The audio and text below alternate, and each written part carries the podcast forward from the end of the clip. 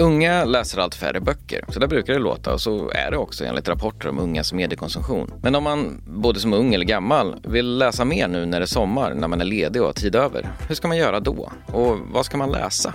Du lyssnar på Expressen förklarar, och heter Joakim Rydström och idag pratar jag om just läsning med Expressens kulturredaktör Viktor Malm. För någon som gillar att läsa är Viktors jobb rena drömmen. Han får som kulturjournalist betalt för att läsa böcker och är således i rent bokstavlig mening att betrakta som ett heltidsproffs i läsning. Alltså det är ju ett oerhört privilegierat jobb att få betalt för att sitta och göra det jag tycker bäst om av allt. Läsa böcker. Det är jag otroligt, otroligt glad över att jag får göra. Det är som att man har, har förlängt den här barndomen när man, när man låg vaken på natten och, och bara få, få läsa färdigt sin bok långt in i vuxenhet. Sen försöker man ju ta det på ett annat allvar än man gjorde när man är barn, men det finns ju fortfarande liksom en djup lust förknippad med det här. När man talar om att allt färre läser böcker så nämner man inte sällan att det, det minskande läsandet också är ett problem. Så om man ska börja den änden, varför är det viktigt att läsa? Man kan tänka på det så här. Alltså, uh, det, det är kanske inte nödvändigt att läsa. Det, det går att leva ett liv utan att läsa böcker eller artiklar eller ens lyssna på böcker och artiklar. Men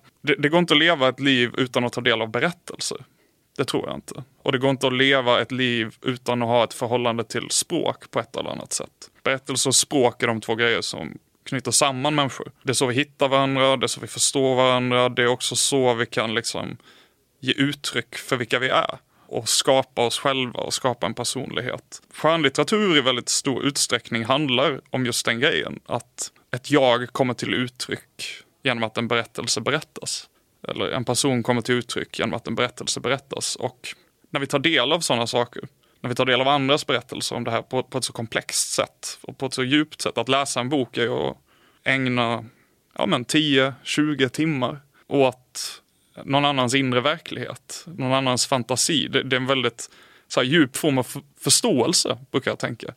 Som, som man inte kommer i kontakt med på något annat sätt. Film kan ersätta berättelserna, men den här extrema närkontakten med någon annans psyke, den finns inte någon annanstans. Sen, sen finns det ju bara några så här pragmatiska anledningar att fler och fler jobb idag handlar om kommunikation och språk. Och där tror jag bara att läsa böcker av folk som är duktiga på det där med att kommunicera eller skriva eller sätta samman ord och meningar på ett sätt som känns nytt och fräscht, originellt eller spännande eller intressant. Det är liksom en nödvändig komponent i bara utbildningen och träningen och för att hålla den förmågan vid liv om man är en sån som jobbar med språk. Men är det viktigt att också läsa vissa liksom, böcker hellre än andra böcker? Du skrev ju själv exempelvis en krönika här hos Expressen att citat, det finns dåliga böcker det finns bra böcker och det finns alldeles extraordinära böcker. Jag tror man ska läsa alla böcker i alla tre kategorierna. Okej, okay, man ska läsa de dåliga också. Man ska ja. ta tid att läsa dåliga böcker. Alltså en del av mitt jobb som då professionell läsare ja, är, är ju att hjälpa folk att inte behöva läsa de dåliga böckerna mm. utan bara hitta fram till de bra. Men jag tänker att man, man, om man själv är intresserad av att utveckla en smak, eh, man behöver inte hålla med mig. Det, det är trots allt en åsikt som kommer till uttryck när jag mm. gör det här urskiljandet. Så kanske man ändå behöver läsa de dåliga böckerna och läsa de bra böckerna för att dels kunna göra skillnader mellan dem. Se vad tycker jag om, vad, vad är meningsfullt för mig. Men också om man inte kan göra det särskilt, jag tror aldrig att man kommer kunna riktigt, riktigt uppskatta det här alldeles extraordinära som kommer fram ibland. För att jag tror inte att all läsning är likvärdig. Eh, att det är bra att bara läsa. För att läsa en illa skriven bok med en dålig dramaturgi och ointressant handling Nej, du stirrar på boksidor och meningar, visst absolut. Men, men det finns bättre sätt att använda sin tid på än att ägna sig åt dåliga. Det tycker jag. Det, är liksom, det finns ingen anledning att lyssna på dålig musik, ingen anledning att se dålig film. Uh, annat än för att kunna urskilja det dåliga. Men vad är det man får ut som är så, ska säga, mycket mer, eller är det mer berikande med de extraordinära böckerna? Eller vad är det som händer när man läser de böckerna? Det är väl ofta att de extraordinära böckerna är böcker som du inte bara glider med utan de gör lite motstånd. Mm. Du måste liksom, det, det blir, och därför kanske man inte orkar läsa så många extraordinära böcker på ett år. Men de kräver att du tar itu med dem. De är inte bara en, en bok du lägger dig med i 20 minuter innan du ska sova. Det är också fint att man gör så med böcker. Jag har inget emot det. Men vissa kräver eh, en form av arbete och det, det tror jag berikar mer. Att man ifrågasätter sig själv genom att läsa boken. Ja, bland annat. Ja. Det, det är bland det viktigaste. Det, för de här extraordinära böckerna, det är de jag tror, eller ganska övertygad om, låter oss komma i kontakt med, med det här andra, andra sättet att vara människa på. Så, som just den här författaren har lyckats ge gestalt i text. Det tror jag är liksom en oundgänglig del av livet. Det är någonting jag önskar att alla både fick möjligheten och fick tiden. För att tid är ju dyrt. Ja, tid är väldigt dyrt. Det, tar oftast lång tid att läsa så att det blir som ett nollsummespel nästan. Ja, här kan jag sitta och prata om det som får betalt för att göra det. Uh, så att, det är svårt. Men jag önskar verkligen att, att fler människor hade tid och möjlighet att få, få plats i sina liv för de här helt extraordinära upplevelserna. Och det är de man som professionell läsare verkligen vill hjälpa folk att hitta. Men det kan ju också vara ganska svårt att läsa vissa av de där böckerna. De kan innehålla symbolik som man inte förstår eller undertext som man kanske inte hänger med i. Eh, mm. Eller är det där en missuppfattning? Att det finns ett likhetstecken mellan bra böcker och att de också är svåra böcker? Jag tror det är en missuppfattning. Jag tror också att man kanske hänger upp sig på mycket, för mycket på vad man inte förstår ofta. Mm. För det finns delar i allting man upplever som man inte förstår. Och, och vanligtvis, i alla fall jag, för det finns massa böcker jag inte förstår. Mm. Det, det, måste jag säga. Men då lär man sig efter ett tag att bara gå vidare. Nej, det där förstod jag inte. Det var inte hela världen. Jag kanske är lite dum. men alla är lite dumma. Det, mm. det, finns saker i allt som vi inte förstår. Och då är det bättre att liksom fokusera på det är det här komplicerade som man ändå uppskattar. För jag tror att möjligheten till att förstå det blir större om man fortsätter läsa boken än om man avslutar det. För att, nej, den här symboliken, vad betyder det? Vad betyder mm. det? Vad betyder det? Det kan nog göra en lite tokig och få en att känna lite dåligt självförtroende. Det är inte bra känslor att, att förknippa med läsning.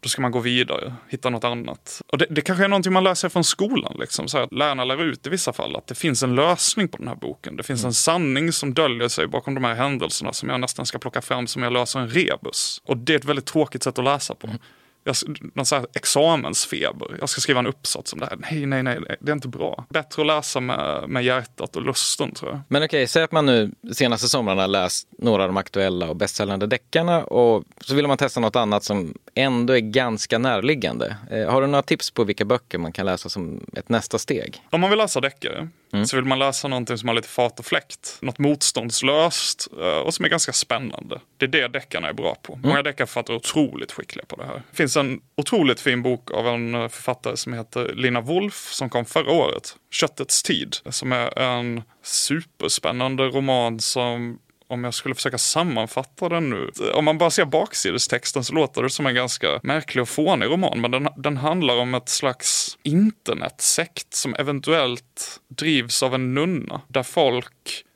tvingas göra grejer livesänt på internet som förstör deras liv. Och om en man och en kvinna, framförallt en man vars liv förstörs av detta och försöker söka upprättelse. Och där är det liksom bladvändande, bladvändande, bladvändande i 280 sidor samtidigt som det är en så fruktansvärt vacker gestaltning mm. av, uh, av den här kvinnans liv och också den här mannens kärlekshistoria som är det som gör att allting faller ihop. Sen har vi en annan, en ny bok för i år av en debutant som heter Lydia Sandgren. Det är en lång bok, väldigt lång bok, typ 800 sidor. Samlade verk heter den, den har väl varit rätt hypad dessutom. Men det är en stor, stor berättelse om tre unga människors uppväxt och liv. Det är en fantastisk roman om att liksom växa upp med drömmar om hur livet ska bli och sen se dem falla ihop och livet snarare blir någonting ganska vanligt och sorgligt. Som väl är allas vår erfarenhet.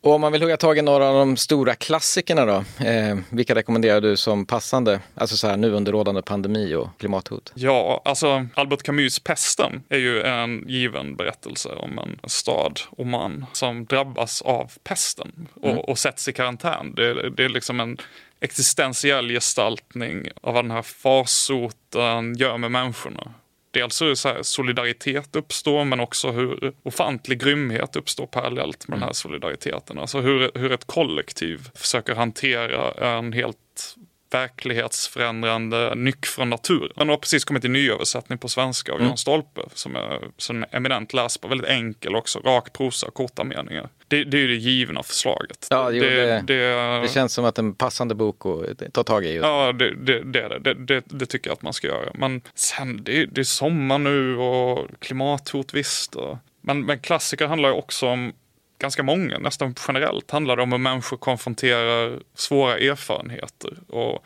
kanske inte behöver handla om just klimathot eller pandemin i sig för att man ändå ska kunna se en koppling däremellan. Jag tänker på sådana böcker som låter jättesvåra och som folk känner till. Ja, men, eh, Fjodor Dostojevskijs Brott och straff som handlar om en ung man som yxmördar en eh, pantlånerska uh, och sen får jättemycket ångest över det här. Det är, liksom, det är en bok som dras med ryktet av att vara svår och komplicerad och, och jättetuff. Men jag tror, jag tror det ryktet kommer alltid på skam när man sätter sig och läser. Då. Mm. Det är så här febrigt i Sankt Petersburg. Han är väldigt ensam på ett sätt som jag tror att många, många känner sig nu. Liksom. Mm. Och, orolig och förvirrad över vad han ska göra, osäker på framtiden. Och inte minst för att han har begått det här fruktansvärda brottet.